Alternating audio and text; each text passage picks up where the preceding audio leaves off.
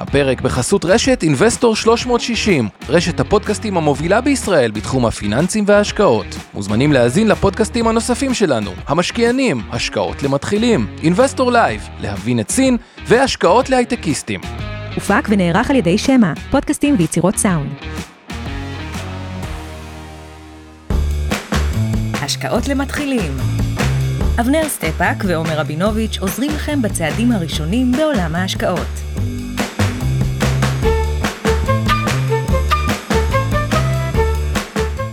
ערב טוב, אבנר. ערב טוב, עומר, מה שלומך? בסדר גמור, וגם איתנו פה בן סמוכה, שעוד רגע אה, נדבר איתו, מומחה קריפטו, קריפטו ג'אנגל, מדברים על, על קריפטו. ועכשיו אני מומחה עם אה, אחד המומחים בארץ לתחום הקריפטו.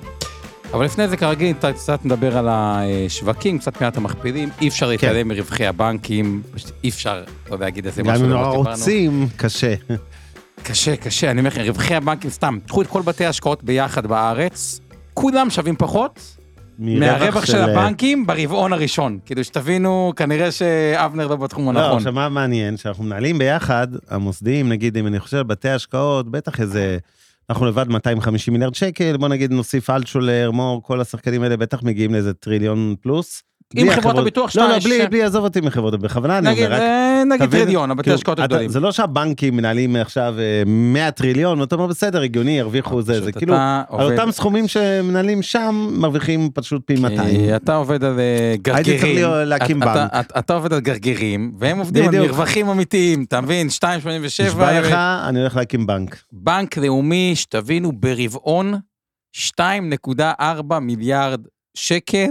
קצב של עשרה מיליארד שקל, שקל בשנה, ששווה יותר, אתה יודע, הוא יכול לקנות בכזה קצב את, אה, את אה, מגדל עוד מעט, את הפניקס, את חברת ביטוח הגדולה בארץ, תבינו איזה אה, רווחיות מטורפת, אבל נתחיל מזה שמשהו שאני מרגיש לו קצת פחות בנוח, ואת יודעת, בלי להרגיש, אג"ח ארה"ב, לעשר שנים, מאותו 3.6 שכבר ראינו שם, היינו ב-4, ירדנו ל-3.6, 3.7 לאזורים האלה, פתאום הוא כבר ב-4.23, וככל שזה עולה, והמכפיל עדיין הוא באזור המכפיל היום 22 אה, ב-S&P, 19, 19 המכפיל עתידי של ה-S&P, כשהאלטרנטיבה היא 4.26, 4.23 זה כבר מתחיל להיות אה, קצת, אל תשכחו שאנחנו רואים אג"ח ארה"ב 4.23, כל אחד גם יכול לקנות אג"ח מקדונלדס ולקבל עוד איזה 80 פיפס מעל, אה, אה, מהבחינה הזאת. אגב, בתחום הקונצרני, היום המרווח הוא triple B, כלומר אג"חים בדירוג השקעה אחד וחצי מעל אג"ח ארצות אה, אה, הברית. זה אומר שעל אג"חים אפשר לקבל כבר אזור אה, כמעט אה, 6 אה, אה, אחוזים, נאסד"ק מכפיל 27.6. לי אישית מרגיש טיפה... הוא יכול לתת עוד איזה גל, אבל זה כבר מתחיל להיות אה, צפוף שם בכל האזור של המכפילים הגבוהים, אה, NVIDIA, את אה, טסלה, אה, אה, וגם החברים הגדולים, כמובן אמזון, מייקרוסופט אה, אה, וכו' וכו'. גם הם אחרי עליות מאוד מאוד אה, אה, חזקות. אה, כשאנחנו עוברים לישראל, אירופה לא השתנה שום דבר, אה, תשואות אג"ח גם יותר נמוכות, אני גם לא רואה את אירופה ממשיכים לעלות הריבית עוד הרבה זמן, אני לא יודע מה ההשלכה של זה, אני אומר לכם, עם הריביות שם גבוהות הרבה זמן, אני לא יודע איך זה משפיע על מדינה כמו איטליה, עם המון חוב ובלי צמיחה, איך זה לא גורם שם לקריסת המערכת, ואפרופו קריסת מערכות, אחת מהשאלות שנדבר אחרי זה בתחום הקריפטו, יש הרבה שאלות. יש על אה, איפה, אה, איפה המטבעות הגדולים, שאגב מאוד עלו מתחילת השנה, GBTC המפורסם, אה, של גרקס כבר בפלוס 144 מתחילת השנה, ראיות, חברת קריאה פלוס 316, אה, או מתחילת השנה, מעל 300 אה, אחוז, אבל גם איפה החברות והחברות הגדולות, המוסדיים, איך הם מתייחסים לזה, הרגולטור, איך הוא מתייחס לזה, ניגע בזה בהמשך, אבל חלק מהזה, למה אני מזכיר את זה ביחד עם אירופה, כי עם עוד ארצות הברית, מטבע הדולר הוא יחסית ככה אה, עם הגמוניה, אה, אירופה היא מדינה, נקרא לזה לדעתי, שהיא פחות יציבה, אה, וששם יהיו בעיות לא יודע איפה היורו יהיה בעוד 50 שנה או בעוד אה, אה, 100 אה, שנה, וזה גם תהיה שאלה מעניינת בהיבט הזה, אה, בכלל קריפטו כאלטרנטיבה. ישראל נשארת מכפילים זולים, אנחנו נכנסים לעונת הדוחות כספיים, שבוע הבא, אבנר, אנחנו נעשה דוחות כספיים, לא? אה, לא יודע אם כבר שבוע הבא, כי אנחנו רוצים לעשות זה, אני חושב שעוד שבועיים כשנהיה כבר לקראת סוף העונה, שבוע הבא זה 22, אנחנו רוצים כבר לסכם את כל העונה בישראל. אה, היא נפתחה, כמו שראינו, תלוי באיזה תחום, אבל בתחום הבנקים, חגיגה. חגיגה, אה, אגב, ולא כזה עלו המניות שם, לא כזה עלו. אה, תראו, אתם מכירים את עמדתנו בנושא, לא נחזור אליה בפעם ה-200. אבל- נכון. קשה לי לדמיין איזה, כמה גרועה יכולה להיות השקעה בחברה, שעושה תשואה להון של 15. 19 אחוז, אוקיי, שאתם בוא נגיד קונים זה אותה. 15, כי... כמה לאומי נסחרת? 85 אחוז על ההון?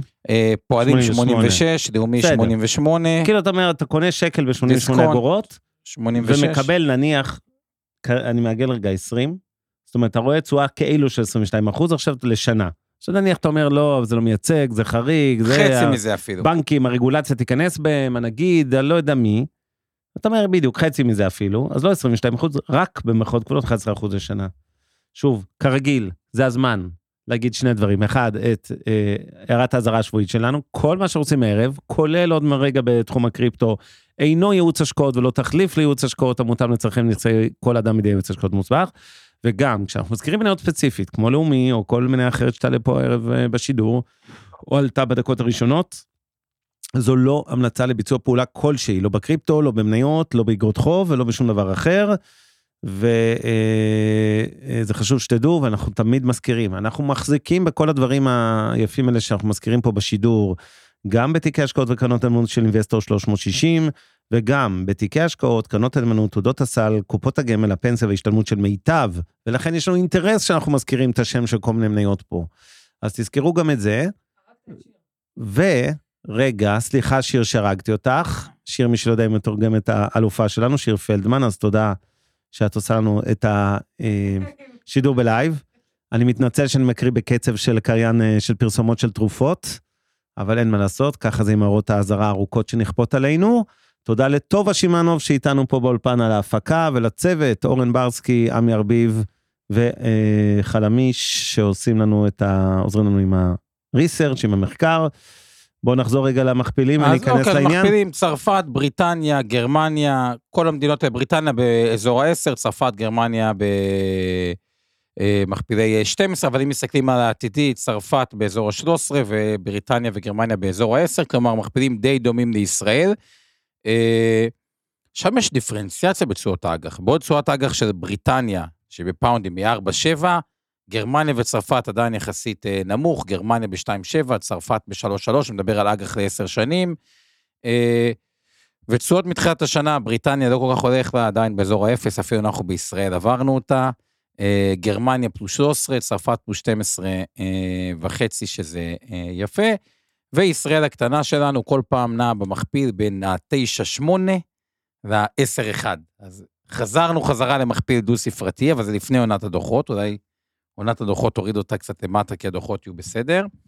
אה, אג"ח, מדינת ישראל נושק ל-4, 3.98, שוב, נותן תשואה יותר נמוכה מארצות אה, אה, הברית 4.23, אבל קחו רגע, בחשבון, רגע, זה דרמה עלות- שצריך להתעכב עליה, סליחה. עלות גידור, אני רק אגיד את הנקודה, כן. העלות גידור בין דולר לשקל היא בערך 1.5, 1.6, תלוי, משתנה בין תקופה לתקופה, אבל בוא נניח, בשביל הפשטות בוא נניח 1.5 אחוז. זה אומר שדה פקטו, מי שרוצה לקבל את התשואה השקלית, כלומר, דה פקטו אג"ח מדינת ישראל, אם אני משווה אותו הברית, הוא נותן סדר גודל של 5.5 אה, אה, אחוז תשואה אה, דולרית, או 3.98 שקלית, תלוי בגברים, שזה נותן איזה אחוז וקצת מעל ארה"ב, אבל אמרת דרמה, אז אליך. כן, אז רק להשלים לפני הדרמה, רק שביורו עלות הגידור להבדיל היא אפס, ואני מזכיר את המילה יורו כי הרבה ישראלים בתקופה האחרונה, לא משנה מה דעתם הפוליטית, אבל מרגישים איזה צורך, אה, נקרא לזה, להגדיל אה, חשיפה מט"חית, וכשאנשים חושבים על זה, כולם רצים לדולר. באופן טבעי, גם יש לכם חשיפה דרך מטבעות דיגיטליים, ובעיקר דרך העולם של הנסדק ו-S&P 500, שהמניות שם שנסחרות בדולרים, אז יש לכם כבר חשיפה דולרית. כמובן, גם בעקיפין, דרך מרכיב מניות חו"ל בקופות הגמל, הפנסיה וההשתלמות שלכם. אז צריך גם לזכור שכשמדברים על חשיפה מטבעית ועל פיזור וחשש אולי מהמשך פיחות בישראל, ראינו את הדולר היום, כמה הוא סגר אגב? 77? כן, ארבע? נושק- לא נושק 77. ל-3.8.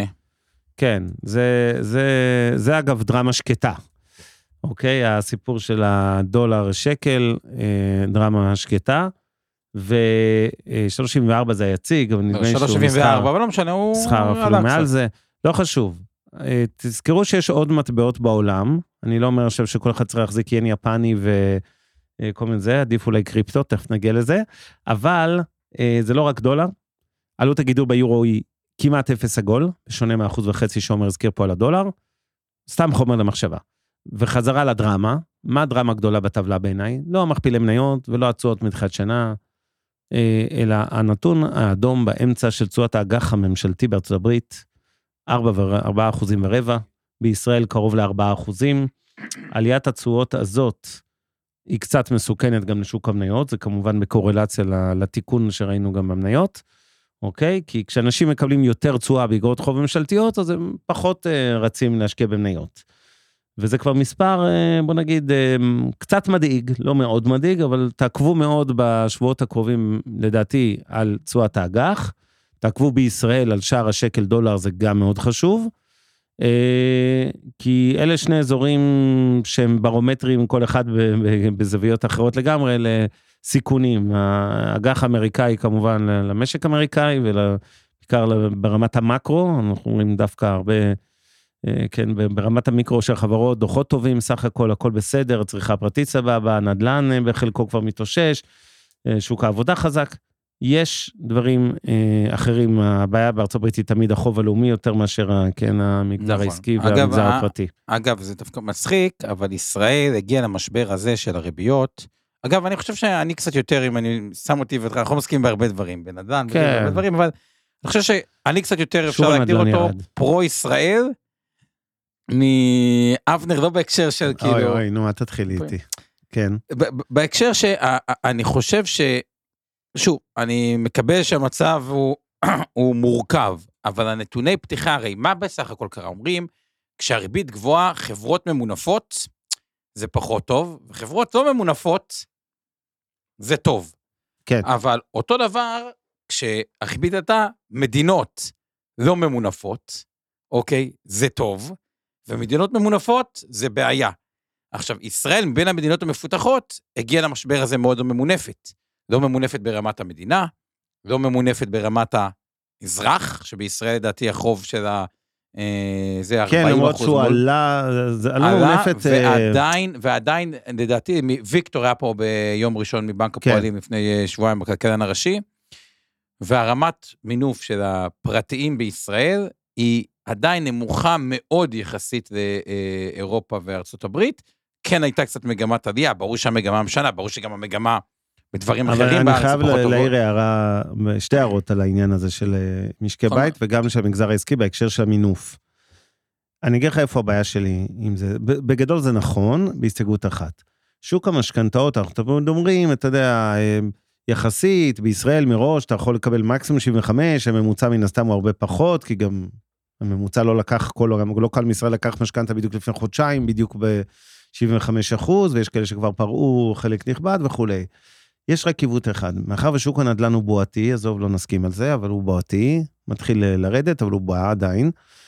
אז זה שהמשכנתה ביחס למחיר הבועתי של הדירה זה לא ממונף, כי הדירה עלק שווה 4 מיליון שקל והמשכנתה היא רק 800 אלף 20 אחוז, זה לא אומר, אה, יש פה את הממד האבסולוטי, בסוף, אתה יודע, אנשים לא מחזירים את המשכנתה מזה שהבית שלהם עלה מ-2 מיליון ל-4 מיליון שקל, הם מחזירים אותה מהתזרים. והתזרים הזה, עם עליית הריבית, עלה משמעותית, והגענו למצב שמעל 50% מהמשכנתאות בישראל מוגדרות על ידי בנק ישראל כמשכנתאות בסיכון. כלומר, שאנשים מחזירים מהנטו שלהם מעל 30 אחוז, חלק אפילו מעל 50 אחוז, מהנטו למשכנתה, שזה בלתי נתפס, זה 52 אחוז מהמשכנתאות, כן, שתבין, מחזירים סכומים פסיכיים שאי אפשר לחיות איתם לאורך זמן אה, מבחינת יוקר מחיה וחיים נורמליים. בסיטואציה הזאת, יש לי קצת בעיה עם להגיד שעם ישראל במרכאות לא ממונף. זה נכון שאנחנו לא במצב אסוני, אבל אי אפשר להתעלם גם בממד האבסולוטי, ואי אפשר להתעלם עוד בממד אחד, סליחה, זה עלייה חדה שהייתה בכל זאת במינוף, נכון, מרמה מאוד מאוד מאוד נמוכה לפני שלוש שנים, בשלוש שנים האחרונות. זאת אומרת, גם באשראי הפרטי וגם באשראי העסקי, בעיקר בבנקים, חלק מהתוצאות ראיתם בדוחות של בנק לאומי, מבטיח לכם שתראו בדוחות כל מתחריו גם. אני לא מתווכח איתך שחלק מהמגמות הן פחות טובות, אני רק אומר, נקודת הפתיחה של ישראל היא מצוינת, בטח את הדברים האלה, ו...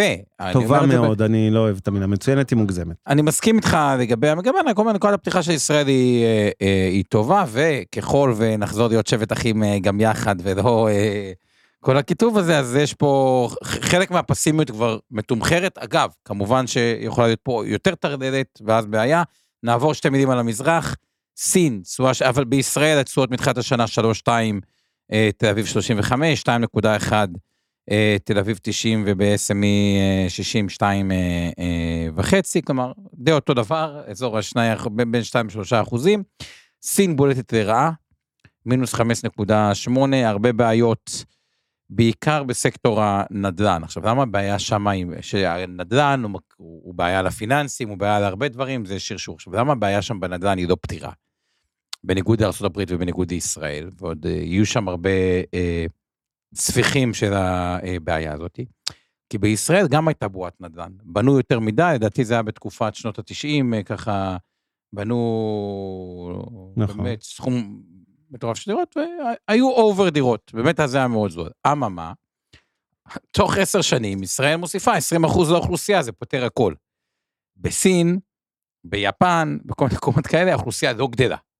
כלומר, בנית יותר מדי, מישהו משלם את ה... אין מה שיתקן, אין מה שיספוג את זה, זה גם לא כלכלה כמו ארה"ב, שאתה אומר, אוקיי, יש מהגרים, יש כאלה שעוברים, שם בעיית נדל"ן היא הרבה יותר אקוטית, כי זה יכול להיות נכס שהיה שווה, סתם דוגמא, מיליון, ושווה אפס, כי אין מי שיגור בו איקס אה, שנים, בניגוד לישראל, שבסוף תמיד איכשהו זה אה, יתמלא, וזה יכול עם אה, יציבות מסוימת, כלומר, אם הייתי הולך לסין, הייתי יותר מתמקד בטכנולוגיה, פחות פיננסים, לא נדל"ן, גם לא מודדים שם, אלא ממש פוקוס על טכנולוגיה.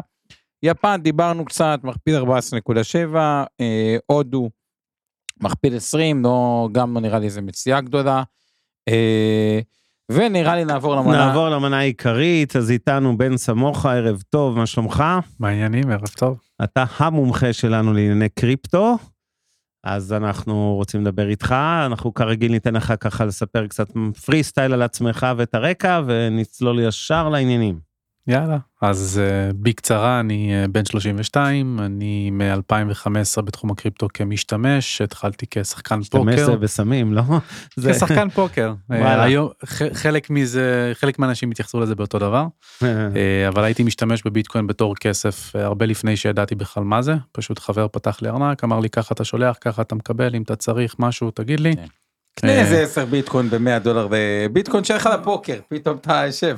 אז פחות 10 ביטקוין הייתי סטודנט אפרן בלי אה, שקל על התחת אבל כשבתחילת 2017 הייתה לי ריצה טובה זה גרם לי אה, אה, להיכנס לפאניקה כמו ילדה פתאום היה לי סכום כסף יחסית מכובד ביחס להון שלי באותה עת אז נסעתי מהר מהר לראשון לציון למקום שבו ידעתי שאני יכול למכור את זה ולקבל כסף אמיתי תביא לי אותו עכשיו. אה, אבל בדרך חזרה הביתה לבאר שבע הייתי סטודנט אה, לכלכלה וניהול אה, פתאום התחלתי לשאול את עצמי רגע מה למה הגבתי ככה תוך פחות מ-24 שעות מהזכייה בטורניר כבר הייתי מימשתי את הביטקוין כמה שיותר מהר מה זה בכלל ביטקוין.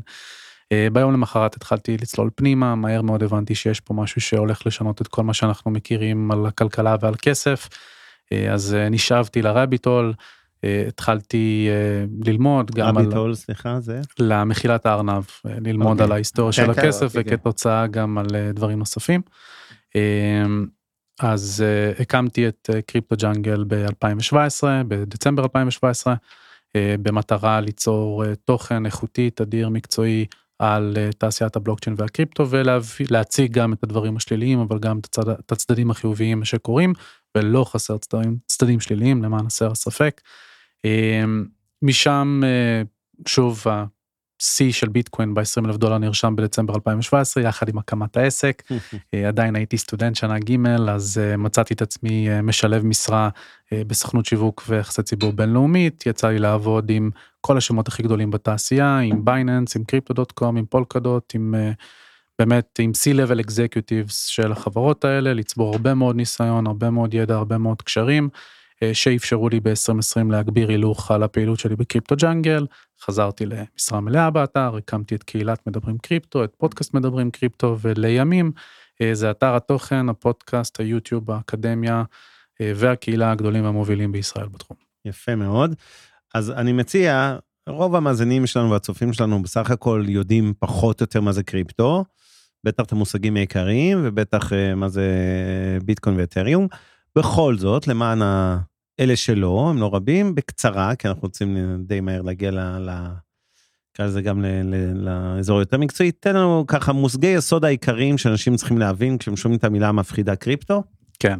וגם. אולי, תוך כדי הדבר הזה שאומרים את הקריפטו, תסביר, באחרונה פורסם שאנשים כמו מנכ"ל בלקרוק, או מייסד לדעתי אפילו, לארי פינק, או ב Fidelity, הם אומרים, Fidelity גוף פנסיוני ענק עם ה-401K, שהם רוצים לאפשר 10% מהקריפטו, לארי פנסיון גם מתייחס מאוד לטובה, אז מה... Visa, אתה... PayPal, כולם בחגיגה, כן. כן. כן. מה הם, כאילו, מה הם מוצאים בזה? בטח, אז אני אשתדל לעשות את זה באמת אה, קצר ולעניין, כי כשמסתכלים על המכלול של קריפטו או של בלוקצ'יין, זה כולל בתוכו אין ספור תתי תחומים שיהיה קשה להעביר אותם בכמה דקות. אה, ממש בקצרה, בבסיס של כל מה שנקרא קריפטו יש טכנולוגיה שנקראת בלוקצ'יין. אה, שרשרת בלוקים בעברית, זו מחברת וירטואלית שהיא משמשת כטכנולוגיות רישום מבוזרת, אה, שזו דרך חדשה לנהל רישומים, רק שבמקום שנצטרך לנהל את הרישומים האלה במקום ריכוזי, כמו חוות השרתים של אמזון או של מייקרוסופט או אקסל, אה, אז אנחנו בעצם נפזר את כוחות החישוב ואת אחסון המידע להמון המון מחשבים שנמצאים במקומות שונים ברחבי הרשת, ואנחנו נשתמש בקריפטוגרפיה, שזה ענף במתמטיקה שעוסק בהצפנה, כדי ליצור אמת ודאית מתמטית שמשותפת לכולם. מה זה למעשה נותן לנו? זה נותן לנו לראשונה בהיסטוריה האנושית את היכולת לקיים רישומים גלובליים, מיידיים ונצחיים, כך שאנחנו יודעים שלא ניתן לשכתב אותם אחורה, וליצור אמון בין מיליארדים של אנשים בכל רחבי העולם, בלי שיהיה גוף מתווך באמצע שיהיה אחראי על האמון הזה. זה מה שנקרא Decentralized, שאומרים, זה מבוזר בעברית, זה בעצם אין לנו איזה בנק ישראל של הקריפטו, או הפדרל רזרב של הקריפטו, אלא באמת כל המידע על כל העסקאות ועל כל האחסונים נמצא בכל מקום או בהרבה מקומות. בדיוק. עכשיו, יש דרכים שונות להגיע להסכמה קריפטוגרפית, הצפנה מתמטית, לאיך בעצם אה, אה, אני יכול להוכיח שמה שאני רואה כאן בישראל זה בהכרח מה שג'ון רואה בארצות הברית ומייקל באוסטרליה ושי ג'ינפינג בסין. אה, ושאנחנו יכולים לדעת בזמן נתון ולהוכיח לעצמנו שמה שאני רואה זה בהכרח מה שהוא רואה. בביטקוין, שהוא המטבע הדיגיטלי המבוזר הראשון, השיטה הזאת נקראת הוכחת העבודה, רבים מכירים אותה בתור כרייה, אני לא אסביר את המנגנון עכשיו, אני רק אציין שבמקרה של ביטקוין הוא נוצר עם מטרה, המטרה היא לשמש כתור, בתור כסף דיגיטלי מבוזר, פחות עניין אותו להוות תשתית לאלמנטים נוספים כפי שנדבר עליהם היום כמו מטבעות צמודים דולר וטוקנים ו-NFTs ודברים מהסגנון האלה, אלא הוא רוצה להיות פשוט כסף טוב יותר. אה, היום מנסים להשוות אותו יותר לזהב כסוג של mm-hmm. מטבע דיגיטלי שמוגבל בהיצע שלו ובקצב ההיווצרות של המטבעות, אבל הרבה יותר נזיל וגמיש וזמין ברחבי העולם בכל טלפון. אה, אבל באבולוציה של התעשייה בשנת 2015 קמה איתריום, היא באה ולמעשה אמרה, וואלה, יש פה טכנולוגיית רישום שמאפשרת לנו בינתיים לרשום בעיקר עסקאות פיננסיות כמו בן העביר לאבנר איקס ביטקוין, אבל מה אם אנחנו בעצם נשתמש בכל האנרגיה שמושקעת בדבר הזה, בכל הכוחות חישוב, ונתחיל להשתמש בתשתית הזאת כאופציה לבנות על גבי התוכנות. אז היום כשאנחנו משתמשים ב Microsoft וב Amazon אנחנו משתמשים בעצם בענן אנחנו מריצים תוכנות שהכוחות חישוב בכלל לא קורות אצלנו בלפטופ. אני יכול להריץ את ה Excel ואפילו משחקי מחשב בענן כל כל המחשוב קורה בחוות השרתים של אמזון או של מייקרוסופט. איתריום באו ואמרו אנחנו יכולים ליצור את אותו דבר רק ששוב פעם במקום שיהיה חוות שרתים אחת יהיו אינספור שמפוזרות בכל רחבי העולם. וככה הם יצרו בעצם קוד תוכנה חדש. טרמינולוגיה חדשה, כלים למפתחים ואפשרו ליזמים להתחיל לבנות. בין הדברים שבנו, עם הזמן, יש מטבעות דיגיטליים צמודי דולר, שזה למעשה סוג של תוכנה עם ייצוג של נכס קריפטוגרפי או נכס דיגיטלי, שממש יושב כנגדו דולר בכספות של בנקים.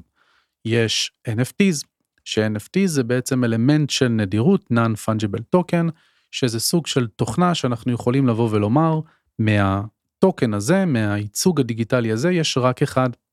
ואני יכול גם להוכיח מתמטית שיש רק אחד. עכשיו, הסקפטים בקונטקסט של אמנות, שזה הייתה בועה, ואני גם באתי ואמרתי בטלוויזיה שזו בועה, יבואו ויגידו, אני יכול לעשות copy paste לתמונה הזאת של הקוף הזה של עומר אדם ולהדביק אותו במצגת שלי, אז איפה הנדירות כאן? הנדירות תמונה בזה שאני יכול לעשות, להדפיס גם את התמונה של מונליזה ולתלות אותה פה על, על נכון. הקיר, אה, אבל אני לא אהיה. הבעלים, בדיוק. נכון. אמ, ויש עוד המון המון פיתוחים נוספים שקשורים לבלק רוק ולאיפה שאנחנו נמצאים היום, שמנכ"ל בלק רוק כמובן מנהל את הנכסים הגדולה בעולם, יושב לפני ארבעה חודשים על במה של כנס בינלאומי גדול, כנס פיננסי, והוא אומר, הבלוקצ'יין כתשתית הולכת לשנות את כל מה שאנחנו מכירים על המגזר הפיננסי, בדגש רב על טוקניזציה של ניירות ערך. כלומר להעביר את כל מה שאנחנו מכירים היום על שוק ההון, החל מהנפקת אגרות החוב והנפקת ה-IPOs וכדומה, ועד המסחר בשוק המשני, אה, ערבויות, בטוחות, הלוואות, כל הדברים האלה הולכים לקרות על גבי רשתות בלוקצ'יין, כאשר יש עדיין דיבייטים על כמה מזה יהיה פתוח על רשת כמו איתריום, כמה מזה יהיה יותר במעגלים סגורים, מפוקחים, אבל זו העמדה שלו, שלאחר מכן גם הובילה אותו אה, אה, להגיש בקשה בשם בלק רוק לרשות לניירות ערך באמצע יוני, לפני כחודשיים, לאשר קרן סל על ביטקוין, כלומר קרן סל עם התחשבנות פיזית שתאפשר בסוף כל יום לוודא שמחיר הביטקוין צמוד ולסגור את פערי הארביטראז' כמובן. כי פה היום, רגע המקום להגיד שרשות ניירות ערך אמריקאית בהנהגה הנוכחית היא קצת אנטי קריפטו, בלשון המעטה. עצרו הרבה דברים, אני גם אה, דירקטור באיטורו, זה לא סוד, זה החברה, היינו בתהליך אה, SPAC, הנפקה דרך אה, SPAC בארצות הברית, ומאוד לא שמחו אה, לראות שחקני קריפטו באים אליהם לבורסות. אני חושב שהציון דרך הזה שבלק רוק מגישה תעודת צה"ל, בדרך כלל בלק רוק, לא רק שדיברנו על זה קודם, שמאשרים לה הכל, עצם זה שהיא מגישה, אתה לא הולך להגיש משהו בלי שקצת ריחחת, זאת אומרת, יכול להיות שיש פה איזשהו אירוע מכונן, נקרא לזה, hopefully, בשינוי הגישה של רשות ניירות ערך אמריקאית כלפי התעשייה, זה מבחן מעניין, כי אם יאשרו את זה, אני חושב שהסכר ייפתח לעוד הרבה מוצרי קריפטו שיקבלו הכרה רשמית מרגולטורים. אה, מאוד מעניין אני לראות חושב מה יקרה שאין עם זה. להם ברירה, אה, בעצם הנוסח של הקרן צה"ל אה, מאוד מאוד דומה למה שאושר לפני כשנה בקנדה, למה שאושר היום באמסטרדם, בבורסה הגדולה באירופה, ביפן כבר יש קרנות צה"ל, אז אין להם כל כך ברירה, כי זה גם אלמנט של משיכת הון, בסופו של דבר יש אה, אה, קרנות או אה, גופים כמו פידליטי, שגם הם נמצאים בתהליך לא רק של הגשת קרן צה"ל על אותו מבנה, אלא גם פידליטי פועלת לאישור של אישור רגולטורי להפקיד עד 10% מההפקדות של ה-401k של הפנסיה בארצות הברית לביטקוין בצורה ישירה. פידליטי היום יש לה מחלקת קריפטו אסטס, דיגיטל אסטס של יותר מ-40 אנשים, חוקרים, אנליסטים, מנהלי סיכונים וכדומה, אה, והיא גם זאת שחתומה היום בתור המשמורן שמחזיקה את הביטקוין לקרן צה"ל שאושרה באירופה. אה, אז עם כל הכבוד לגרי גנסלר והרצון שלו להילחם בתעשייה ולשמור את הפיקוח על קריפטו תחת הבית שלו, שרשויות אחרות רבות איתו על זה, אה, אין לו כל כך ברירה כי זו כבר דרישה מהעם. היום, שיהיה לכם סדרי גודל, אין מועמד אחד לנשיאות שלא מתייחס לקריפטו. לא מק... היום רוברט קנדי ג'וניור מהדמוקרטים מקבל תרומות בביטקוין, דה סנטיס מקבל תרומות בביטקוין, הם כולם כבר בתוך זה, ויחד עם דיבור על אינפלציה, יחד עם דיבור על אה, אה, סנקציות והשימוש בדולר בתור כוח בזירה הגיאופוליטית ואלמנטים כאלה, זה שם את זה בלב של קמפיין הנשיאות בעצם ל-2024. הוויכוח בין הרגולטורים, שאם זה הנייר ערך, אז כאילו זה הרשות לניירות ערך מפקחת, שהם מעדיפים שזה ייחשב כנייר ערך, נכון. ואם זה לא נייר ערך, בעצם סוג של, אני יודע, מטבע, סחורה. סחורה, סחורה. אז זה בעצם רשות אחרת. רשות אה, ה-CFTC, ה-Commodities and Futures Commission, שזו הוועדה לפיקוח על מסחר בחוזים עתידיים וסחורות, היא כבר זו שיש קונצנזוס על זה שביטקוין הוא נכס לסחורה, כלומר הוא כפוף לפיקוח שלה, ולכן כשבורסות CBOE ו-CME בשיקגו אה, אישרו קרנות אה, אופציות וחוזים עתידיים על ביטקוין, זה עבר אישור של ה-CFTC, העמדה של ה-CFTC היא שאיתריום הוא גם כן נכס סלש סחורה, אבל ה-SEC לא כל כך אה, נותנת את אותה ודאות עד כדי כך שגרי גנצלר בעדות בסנאט האמריקאי פשוט מצא את עצמו מתפתל ו, ובמשך כן. שתיים וחצי דקות מנסה למשוך תשובה ולהגיד הכל חוץ ממה העמדה של הרשות לניירות ערך. כן, אז צריך להגיד שאני, אני אומר את זה כבר שנים, גם כן מעיסוקי בעולם הקריפטו, שאני לא מאמין שרגולטורים יצליחו לעצור, זה מלחמה שהם נלחמים, אבל אין להם שום סיכוי, בסופו של דבר, לא רק שהסכר ייפרץ, יאשרו הכל, אלא בסוף, אני חושב שלטווח ארוך, מעניין אותי לשמוע את עמדתך על זה, ביטקוין ואתריום, ולא הרבה ג'אנקיאדה שיש בתעשיית הקריפטו, אלפי מטבעות הם באמת בדיחה. אה, לדעתי ביטקוין ואתריום בסוף יהיו הדולר והאירו הבאים. אז לא יודע אם זה, זה ייקח הרבה שנים, כי מטבע שהוא לא יציב מספיק, ונדבר גם על ה stablecoins, אבל מטבע ש... כן, ש, שהתנודתיות שלו היא כל כך גדולה, לא כל כך מהר הופך להיות ה- המטבע המרכזי של אה, יצואנים, יבואנים, אה, אנשים שמעבירים אה, תשלומים אחד לשני, שכר דירה, whatever, אבל כשזה קצת יתייצב ונראה משהו יותר הגיוני, אני מניח שזה כן יהפוך להיות המטבעות העיקריים. מה אתה אומר על זה? אני חושב אחרת ממך, על אף אוקיי. שהייתי רוצה בתור, אה, אתה יודע, כן. ביטקוינר וקריפטונר לבוא ולומר את זה, אני לא חושב שאנחנו אה, נחיה בעולם שהוא ביטקוין ואיתריום אונלי או משהו מהסגנון הזה, אני לא לא, חושב. אונלי לא אמרתי, אבל אני חושב שזה, השאלה אם אתה חושב שהם יכולים להגיע למעמד של דולר ואירו, שלדעתך לא. אני חושב שמבחינת ווליומים של עסקאות, שימוש כבטוחות לערבויות, להלוואות, לחלוטין כן, בעיקר ביטקוין. אה, התזה שלי היא שביטקוין הולך לשאוב 80% מהערך בעולם, אה, כך שהערך יהיה משוייך אליו בדרך כזאת או אחרת, במובן מסוים בתור סטנדרט כמו שהיה תקן הזהב, רק שבמקרה שלנו יש פה סטנדרט טכנולוגי גמיש, נזיל, שניתן לעשות איתו פלאים שפשוט לא קיימים בעולם הפיזי המוחשי של הזהב. אה, והם מסירים הרבה מאוד מהמגבלות המשמעתיות והפיזיות שהיו לזהב, שמנעו ממנו לשמש על פני זמן בצורה עקבית ונכונה כמשמעת לאיך שבנקים מרכזיים וממשלות כן. מנהלים את הכסף, וביטקוין כן מאפשר את זה. אם, אה, אם כבר אני- הזכרת את ה-80 אחוז האלה שאתה מתאר, שלהערכתך שהביטקוין שווה שווי עולמי, אז אה, בוא נתחיל אולי קצת ממספרים של היום, מה היקף שוק הקריפטו כולו, כמה זה הביטקוין וכמה זה האתריום מתוכו? כן. אז שוק הקריפטו כמכלול הוא קצת יותר מטריליון דולר, ביטקוין היום הוא קצת פחות מ-600 מיליארד, שזה נותן לו שווי של 29,300, אה, תלוי באיזה כן. דקה אנחנו מסתכלים. כן, אה, כן. אה, היום איתריום הוא על כ-220 מיליארד דולר שווי שוק, אה, זה כ-1840 דולר למטבע, אה, ושלושת המטבעות הבאים בתור הם תתר, שזה מטבע דיגיטלי צמוד דולר, USDT, אה, הוא קצת יותר מ-80 מיליארד דולר, שיושבים על רשתות בלוקצ'יין שונות, איתריום, טרון, סולנה, פשוט מאפשר מסחר דולרי, אבל במפלצת הנפרדת שנוצרה כאן בעולמות הבלוקצ'יין. אה, ויש עוד שני מטבעות ששניהם, כל אחד מתמודדים עם שערוריות משלהם. יש את אה, XRP, ריפל, אה, שריפל כן. נתבעה בדצמבר 20 על ידי הרשות לניירות ערך, התביעה התקיימה עד למעשה, עדיין מתקיימת, אבל לפני כשלושה שבועות הייתה התפתחות מאוד מעניינת, שהרשות לניירות ערך הכירה ב-XRP כנייר ערך למשקיעים מוסדיים, אבל למכירות פרוגרמטיות בשווקים המשניים וכתגמולים לעובדים וספקים, זה לא נייר ערך. זאת הייתה כן. החלטה של שופטת פדרלית בניו יורק, אה, שזה אותי באופן אישית מפתיע כמישהו שחושב ש-XRP כן נייר ערך וכן התבוצע פה אה, אה, הונאת משקיעים במובן מסוים של הנפקה לא חוקית של נייר ערך, אבל בכל זאת מדובר במטבע שהשווי שוק שלו היום, למיטב זיכרוני צריך להיות באזור 50 מיליארד דולר. ואחרון זה BNB של בייננס, שזו הבורסה הגדולה בעולם. בוא רגע, אוקיי, יש, בסוף אנחנו רואים באמת יש, כדי לא להיכנס למטבעות הקטנים, יש את ביטקוין, יש איתריום, שזה ה...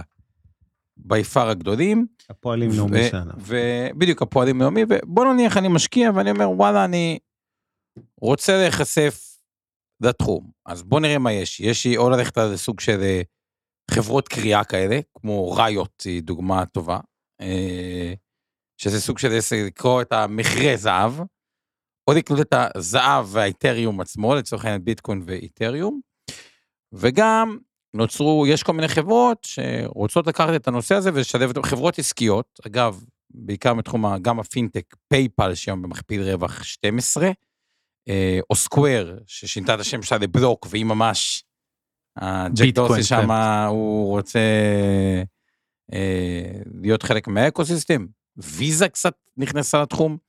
אז רגע, לפני שנצלול איזה דרך עדיפה או מה מכם בכל אה, דרך, אם אתה יכול להסביר קצת על ההתפתחות האחרונה אה, בפייפל, בסקוויר, בוויזה, בחברות העסקיות, איך הן משלבות את זה כחלק מהעולם העסקי שלהם. בטח.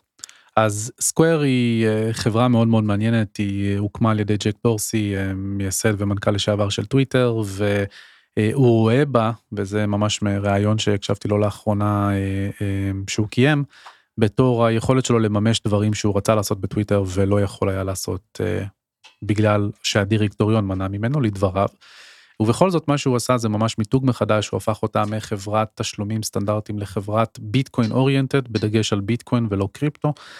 סקוואר היום בונה אה, שירותים פיננסיים, שירותי תשלומים, אה, לכל דבר שקשור בביטקוין, בין אם זה מסחר בין אדם לאדם, בין אם זה תשלומים מתוחכמים, פחות מתוחכמים, הכל קורה ב open source, בקוד תוכנה פתוח, אה, שנשען על התשתית החינמית למעשה שביטקוין מאפשר, מכיוון שאתה לא, צר, לא חייב להריץ צומת בעצמך, להריץ את התוכנה. אה, ובנוסף לזה היא עשתה גם פיבוט לעבר חומרה, היא היום ממש אה, עובדת על פיתוח של ארנק חומרה לביטקוין, שיאפשר לך לנהל בצורה מאובטחת את המטבעות שלך. היא עובדת על אה, כרייה, כלומר לקחת חלק פעיל בתעשיית הכרייה, בעיקר במקום הצ'יפים ולא במקום ה-לכרות בעצמה. והיא בעצם הפכה את זה לכל המהות שלה. אז אה, זה סופר מעניין בעיניי, צעד כזה משם כל כך גדול בתעשיית הטק ובסיליקון וואלי, אה, שזה כל מה שהוא מוביל. פייפל עשתה המון המון מהלכים בתעשייה, הראשון המרכזי שבהם היה ב-2020, כשהיא הייתה חברת התשלומים הראשונה אה, בעצם לאפשר קנייה ומכירה של ביטקוין ואף תשלומים לכל העסקים בכל העולם, כמובן בהדרגה, לקח לזה זמן. אז היום כל אחד, ב, אה, כל משתמש פייפל יכול להחזיק, לקנות, למכור ביטקוין, קריפ, אה, איתריום, אני חושב שביטקוין קאש, לייטקוין ואולי עוד איזה מטבע אחד. אה, וניתן גם, וזה קרה ב-2022, למשוך את זה לארנק, שזה משהו שלא היה קיים קודם לכן, אז הם התחילו את זה כמעגל סגור, ואז פתחו את המעגל כלפי חוץ. והבשורה האחרונה, אחרי הרבה מאוד אה, זמן של שמועות, הגיעה לפני כשבוע וחצי, פייפל השיקה את ה stablecoin, את המטבע הדיגיטלי צמוד הדולר PYUSD, אה, שלמעשה הולך לחיות, או כבר חי, על רשת איתריום. כרגע הוא זמין אך ורק ללקוחות ארצות הברית, אבל לא ניתן יהיה, גם אם הם ירצו, אה, לעצור מזה להגיע לאחרים, ברור. כי ברגע שזה בנוי על איתריום זה כבר יהיה נגיש לכל העולם, ויש פה בעיניי מודל סופר מעניין, כי א', זה שם את פייפל במקום שבו היא יכולה אה, להחליט שהיא ממירה למעשה את ה... כמובן בהתאם לשינוי התקנון ותנאי השימוש, את הדולרים שאנשים מחזיקים אצלה ל-PYUSD, ואז כתוצאה אה, להרוויח יותר ריבית, יותר תשואה על הדבר הזה. דבר שני, ככל שאנחנו מסתכלים על ה stablecoin market היום, על השוק הזה של מטבעות דיגיטליים צמודי דולר ב, בעולמות הקריפטו והבלוקצ'יין, מדובר בשוק של יותר מ-150 מיליארד דולר, שהיא מתפרצת לדלתיים פתוחות בתור החברה האמינה ביותר שנכנסת אליו. אה, ובשוק של הבלוקצ'יין והקריפטו יש דבר שנקרא כלכלה מבוזרת.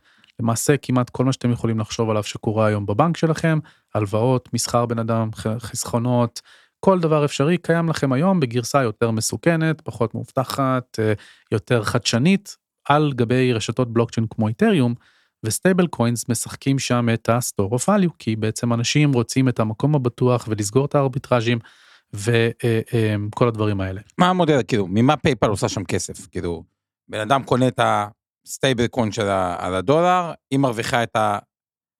משקיעה את הכסף בינתיים באג"ח מדינה, ראינו, זה כבר נותן אה. פיקדון דולר יותר 5%, והלקוח בעצם מחזיק את מה שהוא רצה להחזיק, אז היא עושה את ה-5%, אז אני, כאילו... מש, אני משער שיהיה פה שני tier ים בעצם, יהיה tier, וכמובן שהעמדה הרשמית של PayPal זה שזה extension לפעילות התשלומים שלה. היא עוד לא באה ואומרת, אנחנו רואים את זה בתור משהו דרמטי להכנסותינו בעתיד.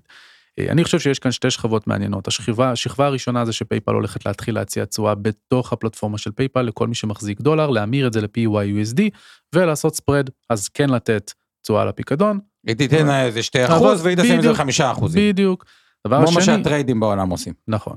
הדבר השני זה שה-PYUSD שכן יחיה בעולמות ה-DeFi, הכלכלה המבוזרת, הוא בעצם לא יהיה, לא יקבל אף תשואה. ולכן ה spread פה ל PayPal הוא הרבה יותר גדול, ואם אנחנו מסתכלים על המתחרה הישירה שלה, שזה Circle, אה, מנפיקת USDC, אה, שזה stablecoin שיש לו היום שווי שוק של כ-30 מיליארד דולר, אז היכולת של PayPal לנגוס בו בצורה די משמעותית ויחסית מהר, היא די יכולת טובה, כמובן בהינתן שהטכנולוגיה שלה גם תאפשר לזה לקרות, כי Circle קיימים הרבה מאוד זמן. אוקיי, תשמע, זה כאילו, אני, אנחנו נכנסים פה למקומות שלדעתי לחלק מהאנשים הם קצת אה, אה, מורכבים, אבל בוא תן לי לתאר את זה בצורה פשוטה, ורק תגידי אם אני צודק ספציפית לגבי PayPal, אוקיי?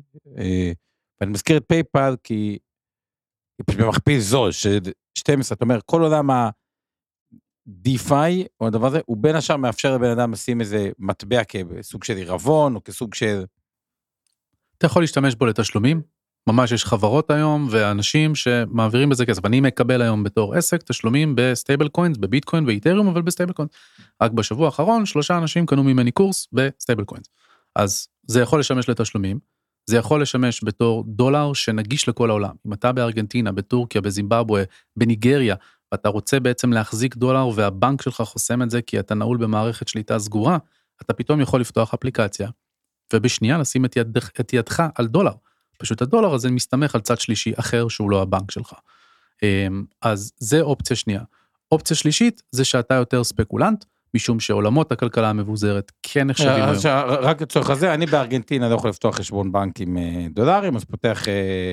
היום השוק peer to peer, מסחר בין אדם לאדם בארגנטינה, הוא אחד מהחזקים והפוריים ביותר בעולם, ככל שמדובר בביטקוין וב stablecoins.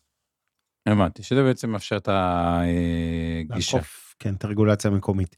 טוב, אם נעבור קצת לעולם של השקעות בקריפטו, הרי אנחנו מדברים על זה ש... איזשהו אחוז סביר וכנראה לא גדול מאוד מתיק ההשקעות של כל אחד יכול להיות מושקע במטבעות דיגיטליים. אז בוא נתחיל קודם כל מהמקרו. בכלליות, שוב, נזכיר שוב שזה לא ייעוץ השקעות, לא תחליף לכזה, אבל בכל זאת, ב- ב- מה נראה בעיניך סביר לאדם להחזיק, כאילו, יש לו איקס כסף, איזה אחוז בכלל היית שם בכל עולם הקריפטו? כן.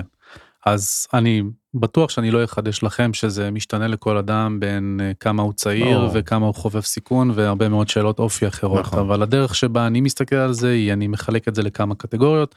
אה, הראשונה היא הביטוח שזה למעשה אומר וואלה אני חושב שהמערכת עובדת טוב השקל פה להישאר והוא לא קרס ב-1985 וגם לא ה...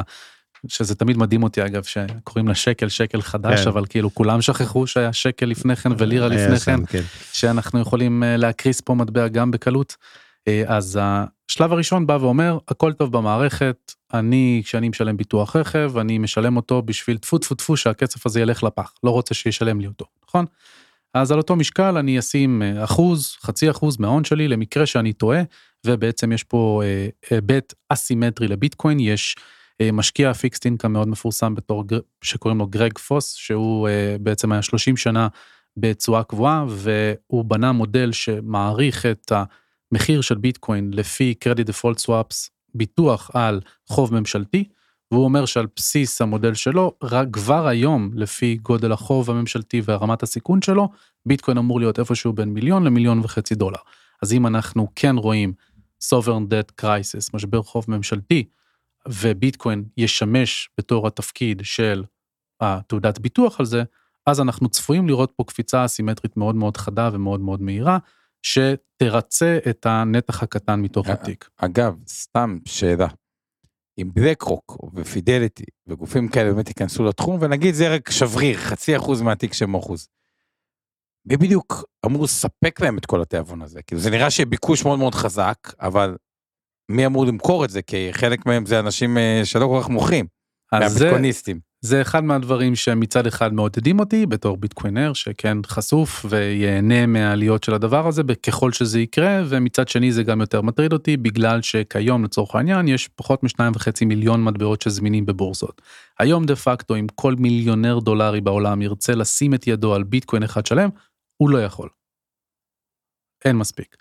מה שיקרה זה שפשוט העלייה במחיר תהיה מאוד חדה מאוד מהירה כמו שאנחנו מכירים שביטקוין יודע לעשות. רק שהיום אנחנו כמובן בממדים של סכומי דולרים, סכומי כסף הרבה יותר גדולים. מצד שני, אם לתת את הקונטרה, אה, זה גם לא צריך להפליא, כשהגירעון הממשלתי בארצות הברית בשנה אחת, הוא אה, כל מה שהם הדפיסו ב-220 שנה קודם לכן, אה, אז זה גם כן הופך את זה לקצת יותר יורד חלק בגרון. אז הביטוח זה, אם זה צד אחד, חיסכון זה הצד השני, שזה בא ואומר, וואלה, אני רוצה לא להתייחס לזה עכשיו בתור משהו שאני מפזר עליו מתוך ההון הנוכחי שלי הרבה מאוד כסף, אבל אני כן רוצה, מודע לזה שיש פה משהו שאני יכול לעשות מיצוע רכישות לתוכו, בין אם זה עבורי ובין אם זה עבור הילדים, יש לי, כמעט כל החבר'ה שלי פתחו קופות חיסכון בביטקוין לילדים שלהם, כי הם יודעים או יוצאים מנקודת הנחה שזה כאן כדי להישאר ולצמוח לאט או מהר, לא אכפת להם, פשוט ממצים את הרכישה על פני זמן. האופציה השלישית זה כבר להסתכל על זה בתור משקיע. עכשיו, כמשקיע, קשה להסתכל על זה בצורה הסטנדרטית שבה אתה מדבר על מכפילים ואתה כן, מנסה... נכון, כי יש שם ל- מכפילים, זה מה בדיוק. שמאוד, אה, הביקורת שחלק מהמשקיעים כנגד זה, אין פה מכפיל רווח. בדיוק, ורשמית, הגדרתית, זה באמת נכון, אין פה מכפיל רווח, משום שאין לך משהו שאתה יכול להיאבן אחורה ולהסתכל עליו מהבחינה הזאת, זה כן ספקולציה על פי ההגדרה הרשמית. אבל ההשקעה כאן מתבצעת באפקט רשת של מערכת מוניטרית. כלומר, אם התזה שלי כלפי ביטקוין נכונה, והוא הולך להמשיך עם התפתחויות טכנולוגיות מוניטריות, כספיות, שהן ground breaking במשמעויות שלהן. כל הכלכלת סחר בין אדם לאדם, הכלכלות המעגל, המעגליות שיכולות להיווצר סביב זה, כמו שמתחיל לקרות באל סלבדור, כמו שקורה בניגריה, שניגריה, שיהיה לכם סדרי גודל, זו מדינה של 430 מיליון איש, אימוץ הביטקוין בניגריה נחשב היום להכי גדול בעולם. ניגריה, אם אתם תעשו כן, חיפוש, באחוז החדירה או ממדים אבסולוטיים? כמה מהאנשים היום, יש שם ביטקוין? תראה, ארנק, אה, יש סקרים שמדברים על כך שיותר מ-25% מהאוכלוסייה של הגילאים בין 20 ל-50 מחזיקה ביטקוין. היום אם אתה תלך ל Google Trends ואתה תחפש איפה מחפשים ביטקוין הכי הרבה, ניגריה מקום ראשון, ועשר הערים הגדולות בניגריה הם מקום ראשון מבין אפשר כל ה... שלא להימנע מקונוטציה שליליות לעוקץ הניגרי, אבל אם בכל זאת נתייחס רגע ברצינות לניגריה, לפי מה שאתה אומר, אם אני- התחזיות למיליון עד מיליון וחצי לפר ביטקוין יתממשו, ניגריה זו הכלכלה, האימפריה הכלכלית הבאה של העולם. בוא נראה מה יהיה עם לא, עכשיו עם הם. מחזיקים, הם מחזיקים כל אחד אה, קצת. בוא נראה מה יהיה עכשיו עם ניג'ר, זה גם ישפיע, בסופו של דבר הם גם כן. צריכים חשמל, אבל uh, אני אתן את הדוגמה מהמקור הראשון, המנקה שלי שגדלתי בבית היה ניגרי, הגיע לכאן, uh, הסדיר את מעמדו וכדומה, אני הכרתי לו את ביטקוין, מפה לשם הוא שמע על זה מאוד חבר, איכשהו התברג למקום שבו הוא uh, סוג של ברוקר של ביטקוין, שיש לו כמובן זרוע בניגריה שעובדת על זה, ועשה מספיק כסף בשביל לבנות מלון, בנה גני ילדים לכפר שלו, בנה המון המון איזה דברים. סיפור יפה. וזה מקור ראשון, זה כאילו אני גדלתי איתו אצלי, אצלי איתי בבית, אז זה לא משהו שאני כן. כן. ממציא. אה, אז ההשקעה כאן בקיצור היא באפקט רשת, בזה שאתה מחבר עכשיו יותר משני מיליארד אנשים לכלכלה העולמית שאין להם בכלל חשבון בנק, אתה מחבר עוד שני מיליארד אנשים שכפופים למשטר אינפלציוני קבוע ונמצאים במערכת שליטה של כסף שנועלת אותם מהעולם, כמו בארגנטינה, כמו בקולומביה, בטורקיה, שאסרה על זה לתשלומים אבל מאפשרת על זה להשקעות. אה, אז אה, התזה שלי היא שההשקעה פה היא בנטוורק אפקט של ביטקוין, שהיום גם בכמות אנשים באופן יחסי, כמה מעריכים שיש אנשים שיש להם בעלים של ביטקוין? היום יש יותר מ-100 מיליון כתובות ארנקים שכבר נפתחו על ידי משתמשי ביטקוין, כתובות ארנקים לא בהכרח שווה למשתמש אה, ייחודי אחד, אבל מהקונטרה, בורסה מחזיקה ביטקוין בשביל מיליונים של לקוחות. אז היום הערכות מדברות על איפשהו בין 150 מיליון ל-250 מיליון משתמשים ברחבי העולם, שלכל הפחות מחזיקים ביטקוין ובסבירות לא קטנה גם עושים פעולות איתו. אה, אבנר, אתה מחזיק ביטקוין אגב? מחזיק, כן. אם הוא דירקטור ב eToro והוא לא מחזיק, אז אני אקח. לא, יכול להיות שהרבה ברמה הטכנית לא... אה, ביטקוין ואיתריום. אבל לא מחזיק כמעט בכלל מטבעות אחרים, אני לא מאמין, אני, לא שאני לא מאמין, אבל אני מרגיש שבאמת יש כל כך הרבה סיפורי הונאות, סיפורי junk, כל מיני שטויות שרצות בעולם המטבעות היום, שאני לא רוצה אה, לגעת ב, באותם מטבעות קטנים, גם בידיעה אני חי עם הסיכון, הפומו הזה, שאולי פספסתי איזה סולנה סו קולדו, לא יודע מי, לא נורא, כפרות. כן, זה, כן. זה ידע, זה ידע ומעורבות. התעשייה הזאת כן. היא 24/7 והיא שוחקת והיא שואבת, אבל היא גם נותנת המון הזדמנויות כן. אסימטריות שלא קיימות בשווקים אחרים. אה, יש לזה good sides, יש לזה bad sides. כן. אוקיי, בוא אתה מחזיק, אה, אם היית צריך להמר לעשר שנים, להמר, לחזות, יותר אני- אה, ביטקוין, יותר איתריום, חצי חצי. אה, יותר ביטקוין חד משמעית, כן. אני כן הרבה יותר מוטה לעבר הכוח של הביזור שיש לביטקוין ולתפקיד כן. שהוא ישחק על פני זמן מאשר של מסכים איתריום. איתך. אני על 60-40 אגב ל- לביטקוין. אצלי זה יהיה יותר 80-20 לביטקוין. עד כדי כך, וואו. טוב, אתה יודע, יש גם עניין של פיזור בסוף, אי אפשר זה. מצד שני, אחוזים קטנים, אני לא משתגע. אמ, אוקיי, ומהזווית שלך, כשאתה מסתכל רמת סיכון של עולם המטבעות הדיגיטליים בהכללה עכשיו, עזוב רגע ספציפית ביטקוין אתריום, בהשוואה נגיד למניות, איפה אתה ממקם את זה על הגרף בעיניך?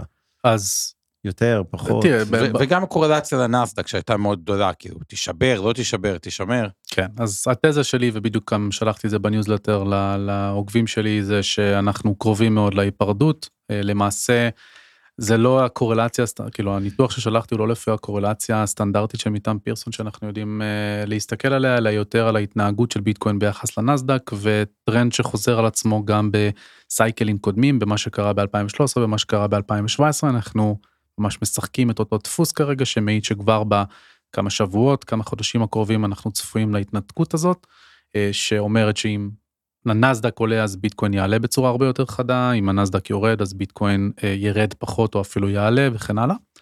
אה, התזה שלי היא שעבור רוב המוחלט של האנשים הפרספקטיבה כלפי קריפטו, קריפטו צריכה להיות שזו רמת סיכון גבוהה. זאת אומרת, אה, בן אדם נקרא לזה מבוגר מעל גיל אה, 45-50 שצריך את הכסף ויש לו חיבור אליו וכדומה, לא צריך להיחשף ביותר מ-10%, 8% מההון שלו, וזה כמכלול. כן. איך בעצם גורמים לזה שמגדילים את החשיפה? עם ידע.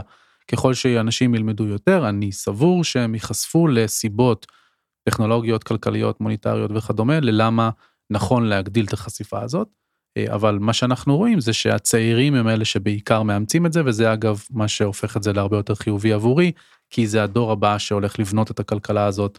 אה, כמו שהקצה של הדור שלי הוא זה שבנה את האינטרנט עבורי, כן. אז אה, אנחנו בונים את כלכלת העתיד. טוב, אנחנו מתקרבים זה לסיום. נותרו לנו עוד כמה דקות. אני רוצה קצת לעבור איתך על דברים ששואלים אותנו פה בקהל, מהירים, הערות, שאלות. אז קודם כל הערה של עדי, מה דעתך על זה? החזקה ישירה בביטקוין לאורך זמן היא בעייתית בגלל הצורך, בש... הצורך בשיתוף אחרים בסיסמאות. העתיד שייך לחברות נאמנות להחזקת ביטקוין. אז שתי הערות האלה, מה אתה אומר? אז אני אומר שהתשובה היא באמצע, וזה יהיה תלוי בכמה הון אתה חשוף ובכמה אחריות אתה מוכן להתמודד איתה. ביטקוין בא להציע אלטרנטיבה, הוא לא בא להיות בינארי 0 או 1, או שאתה מחזיק ביטקוין אצל בנק או אצל משמורן, או שאתה מחזיק ביטקוין אצלך. אתה יכול להחליט שאתה מפצל. אני חושב שלהחזיק ביטקוין לפחות 50% ממה שאתה מחזיק, לא בצורה עצמאית, זה אסון. למה? כי אתה בעצם נשאר אך ורק עם הזווית הספקולטיבית של האם זה יעלה או ירד, ולא מקבל את הערך שמאפשר לך להחזיק את הנכס, את הכסף שלך אצלך, כמו שזהב מאפשר לך, רק עם גרסה דיגיטלית.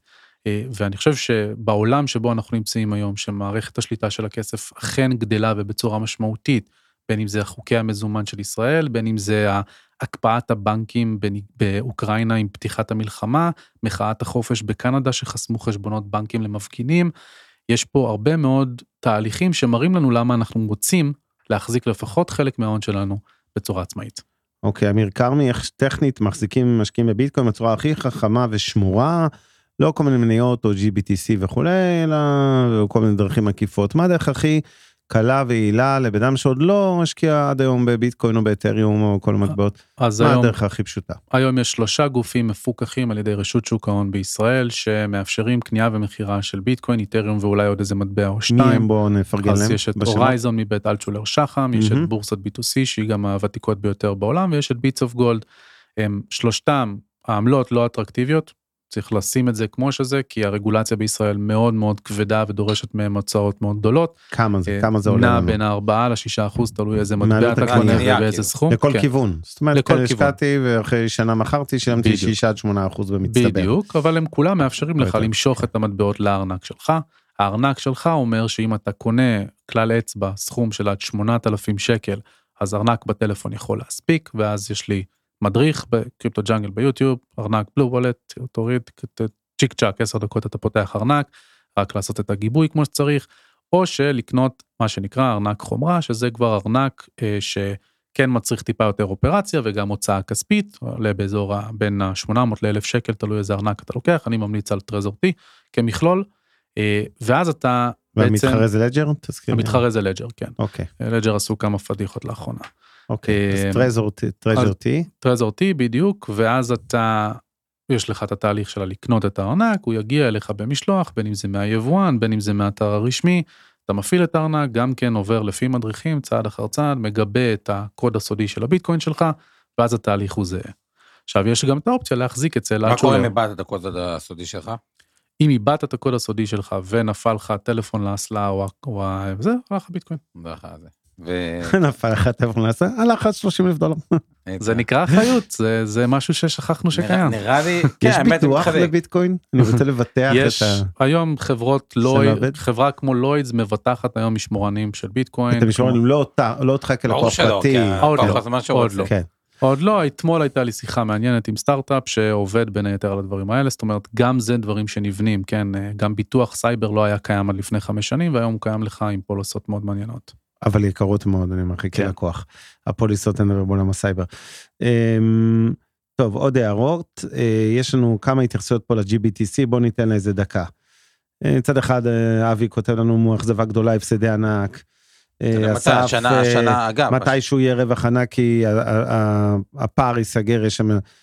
אז אה, 24 אחוז מני discount, נכון? כן. ל-GBTC לעומת הנכס בסיס. עכשיו, פה המקום להגיד, בוא נפריד רגע בין רווחי והפסדי עליית הביטקוין, שזה לא קשור ל-GBTC, זה טכני, אם הביטקוין ירד בתקופות מסוימות, אז כמובן אין לכם מה לכעוס על תעוד הצל שעוקבת אחריו, אבל כן נפתח פה פער עצום. עכשיו, על פניו, נניח שאני כבר רוצה להשקיע בקריפטו, למה שאני באמת לא, במקום לקנות דולר קריפטו בדולר, אני אלך לקנות אה, GBTC ב-76 סנט על הדולר, יש לי חוץ מעליית או ירידת הזה, יש לי עוד רווח כאילו פחות בטוח, 30 אחוז תמיד יש לך קצת discount בגלל שגם יש ניהול שם לזכור בסדר.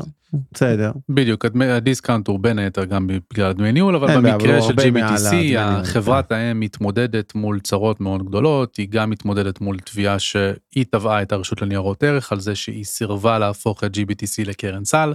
אה, אז אה, אחרי מכתבי אזהרה הם נמצאים כבר עכשיו בבתי משפט ומצופה שבכמה חודשים הקרובים אה, יהיו כל מיני עדכונים וזה בין היתר הסיבה שמתחילת השנה הפרמיה נחתכה, ה discount נחתך בחצי זה היה 48 אחוז ועכשיו זה 24 אחוז. אז יש את התביעה הזאת שמרחפת מעל Grayscale ויש את העובדה שחברת אחות של Grayscale מנפיקת ה-GBTC פשטה רגל ושמה את חברת האם בצרות. אז עכשיו חברת Digital Currency Group DCG שזו קונסורציום השקעות אה, והחזקות בתעשיית הבלוקצ'יין מתמודד עם צרות בין היתר כדי להציל את, חב... את ה-chapter 11 את הפשיטת רגל של החברה הזאתי ויש שמועות על זה ש Grayscale הולכת להימכר או להתפרק כתוצאה מהדבר הזה. עכשיו אכפת לי? להתפרק אין שום סיכוי כי זה פשוט מכונת כסף מפלצתית עם הדמי ניהול של ביטקוין שנעולים שם. אין סיכוי שהיא תתפרק. היו שמועות על מכירה ל Fidelity, אז ימכרו עוד יותר טוב, מה אכפת לי? מצוין, זה סוגר את הפרמיה מיידית. כן, כן. Fidelity יחזיקו אז- וזה לא אז תהיה. איפה, אז למה בעצם, למה אה. לא לקנות, אני חוזר, Grayscale במקום ביטקוין ברמת ישיר? העיקרון אין כמעט סיבה היום לא לקנות. אה, אוקיי. הסיבה אולי היא אלטרנטיבה שיש לך היום, כן, אה, קרנות בקנדה, היום אושרה קרן סל חדשה אבל למה שאני אקנה אותם? הם. בטח יהיו ב-100, ב-NAV שלהם, בשווי האמיתי. אגב, אצלכם במיטב ב-76. Trade או ב-IRA אפשר לקנות את ה-GBTC, אתה יודע? אני מנוע מלדבר, כרגע אי אפשר, זה הכל מה שאני יכול להגיד. אז הנה למה לא. סבלנות, לא ארוכה. יש רגולציה בארץ. אבל אה, אוקיי, הבנתי, בסדר. חומר למחשבה, צריך להבין, אני מניח ש- שנייר נסחר ב discount בכל זאת של 24%, יש איזו סיבה שאולי אנחנו לא לגמרי מבינים ברמת הסיכונים, אבל על פניו זה בהחלט נראה על פניו, מעניין בוא מאוד. נגיד את זה ככה, לחברים אבל- שלי אמרתי לקנות. בבנק אפשר לקנות את זה. לאמא שלי? בבנק אפשר לקנות. אני אגיד לקנות, אחריות עליך. ולאבא. אה, אוקיי, בואו עוד קצת הערות ונתחיל כן, ממש יש אה, לנו, יש נסכם. לנו רגע, כבר, כבר, כבר. אה, טוב, ניגריה פה מככבת בצ'אט. אל סלבדור, אגב, הראשונה בעולם, אה, כן, עדי, בצדק, זה מדינה בעייתית. והוא כותב פה שם, מועמד לנשיאות בארגנטינה, בעד שימוש בביטקוין לסחר באיברים, זה נכון או זה פייק?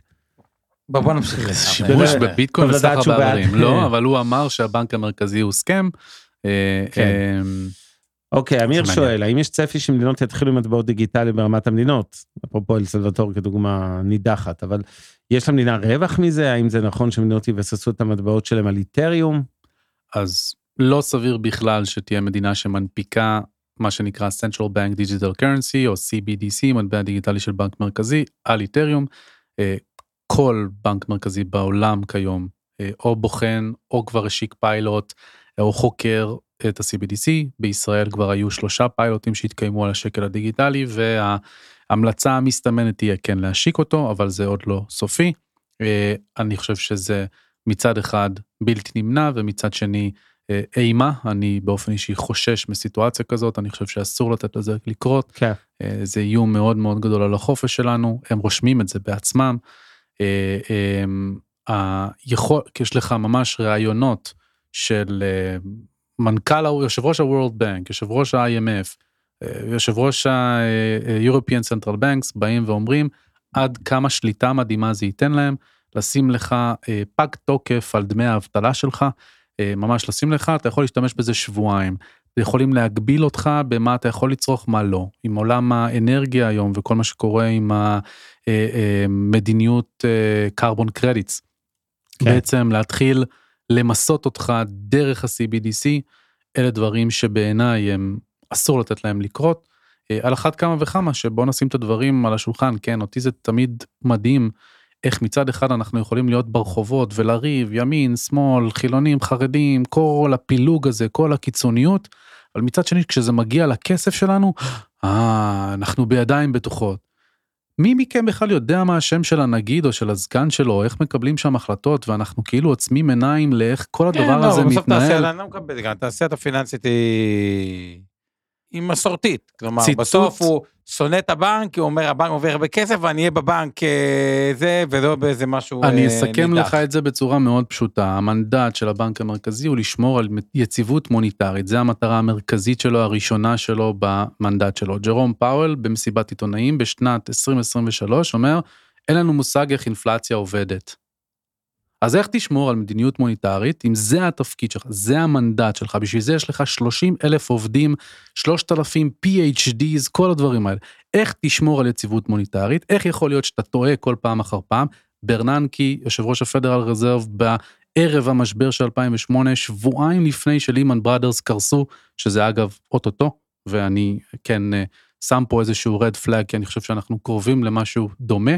שבועיים לפני אמר, סאב פריים is contained, הכל טוב, משבר הנדל"ן מאחורינו, אין מיתון, אולי soft recession, mild recession, טוב, הם תמיד. אומרים מה יגיד לך, זה כן. שהנגיד אומר אה, תמיד סוף... אה, אבל, אבל אתה רואה את זה במינץ, לא רק ב, לא, לא במה שהוא אומר במסיבת העיתונאים. הם מראים פעם אחר פעם שאו שהם לא יודעים על מה הם מדברים, או שהם יודעים והם משקרים לך.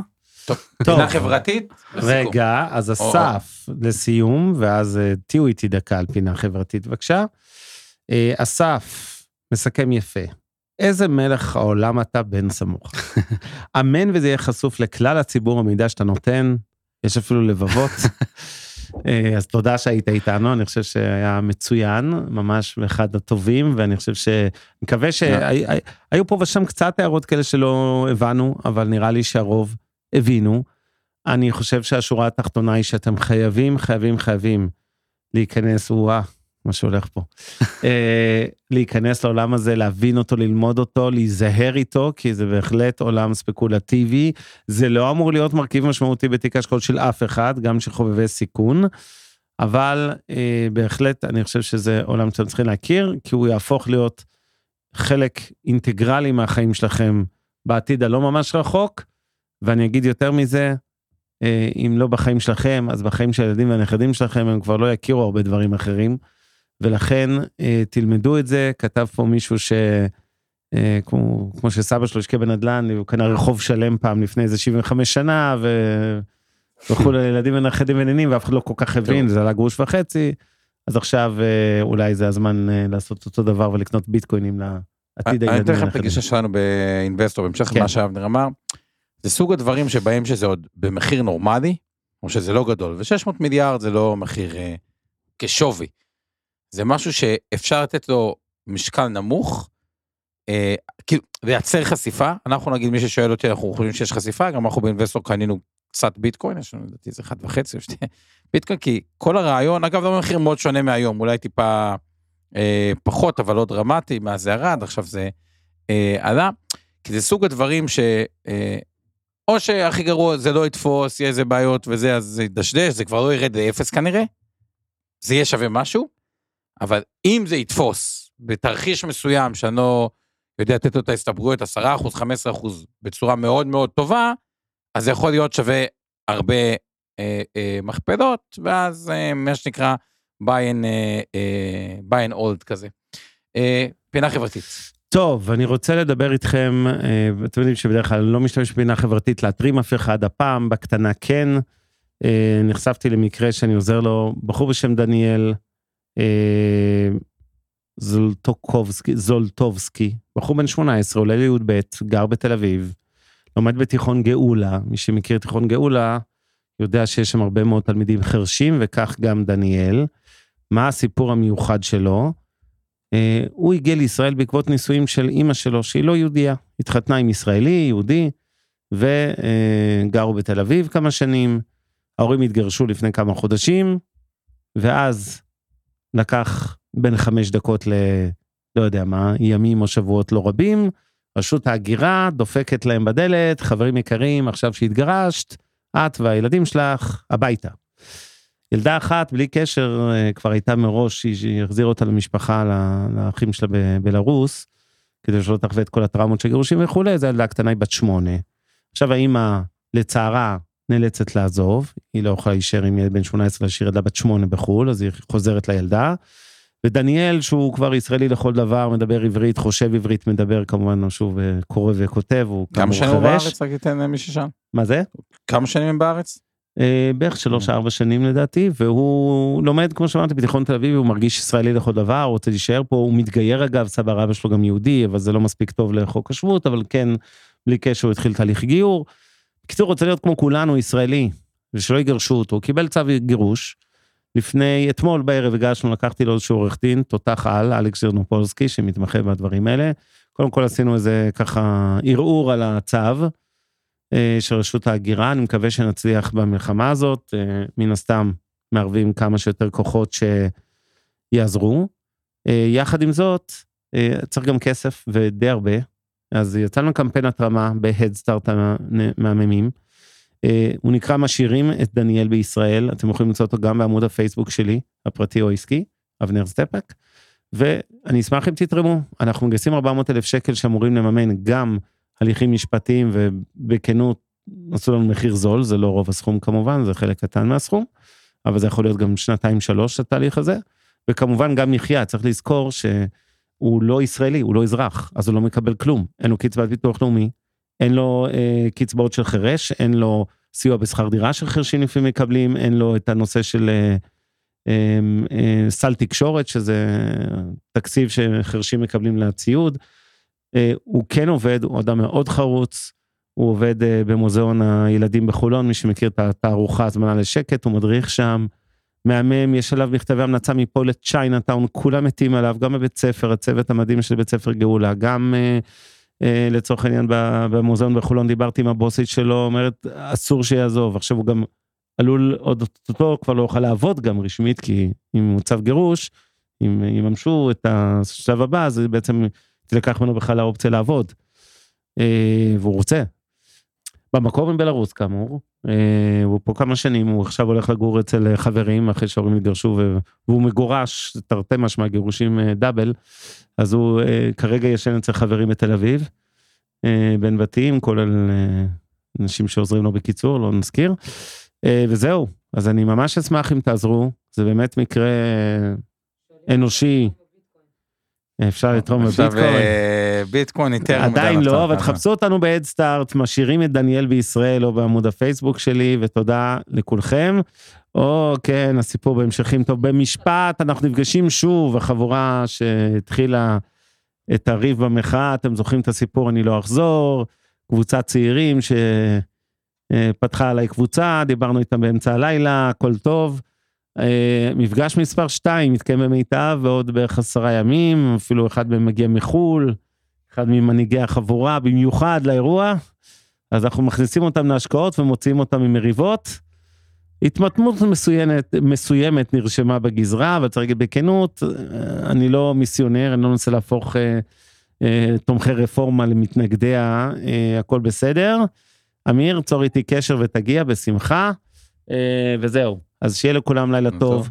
תודה שוב לבן סמוך האלוף שהיית איתנו על הקריפטו. תודה תודה. לטובה שמענוב שליוותה והפיקה את המשדר, וכמובן לשיר פלדמן אלופה על כל הכתוביות לחרשים ולקויי השמיעה, הנה זה גם חיברנו את הנושא הזה לתרומה לדניאל המדהים. אמ, זהו, בקיצור, הנה יש הרבה פידבקים, תודה רבה, היה ממש מעניין ללמד, היה מדהים. אה, הרבה אנשים כותבים לנו, אז שוב תודה לכולם, תודה עומר. תודה לך, אבנר, ותעשו טוב, זה חוזר. עם ריבית והצמדה, ואפילו בביטקוין עם ה staking, אתה יכול לעשות עוד יותר. אז תעשו טוב, בקיצור. לילה טוב. לילה טוב. מעוניינים ללמוד יותר על עולם ההשקעות? האזינו לפודקאסטים נוספים שלנו. המשקיענים, אבנר סטפאק ועומר רבינוביץ' בתוכנית אקטואלית עם כל מה שחם בעולם ההשקעות. Investor 360 Live, אורן ברסקי ועומר רבינוביץ' מארחים את בכירי שוק ההון ומבינים את הטרנדים החשובים לשנים הקרובות. להבין סין עם יובל ויינרב, עם כל מה שרציתם לדעת על הענקית מהמזרח. השקעות להייטקיסטים עם צח איציק, שיבנה איתכם תוכנית כלכלית להגשמת החלומות שלכם. והפודקאסט ההשקעות למתחילים, לכל מי שעושה את צעדיו הראשונים בעולם ההשקעות.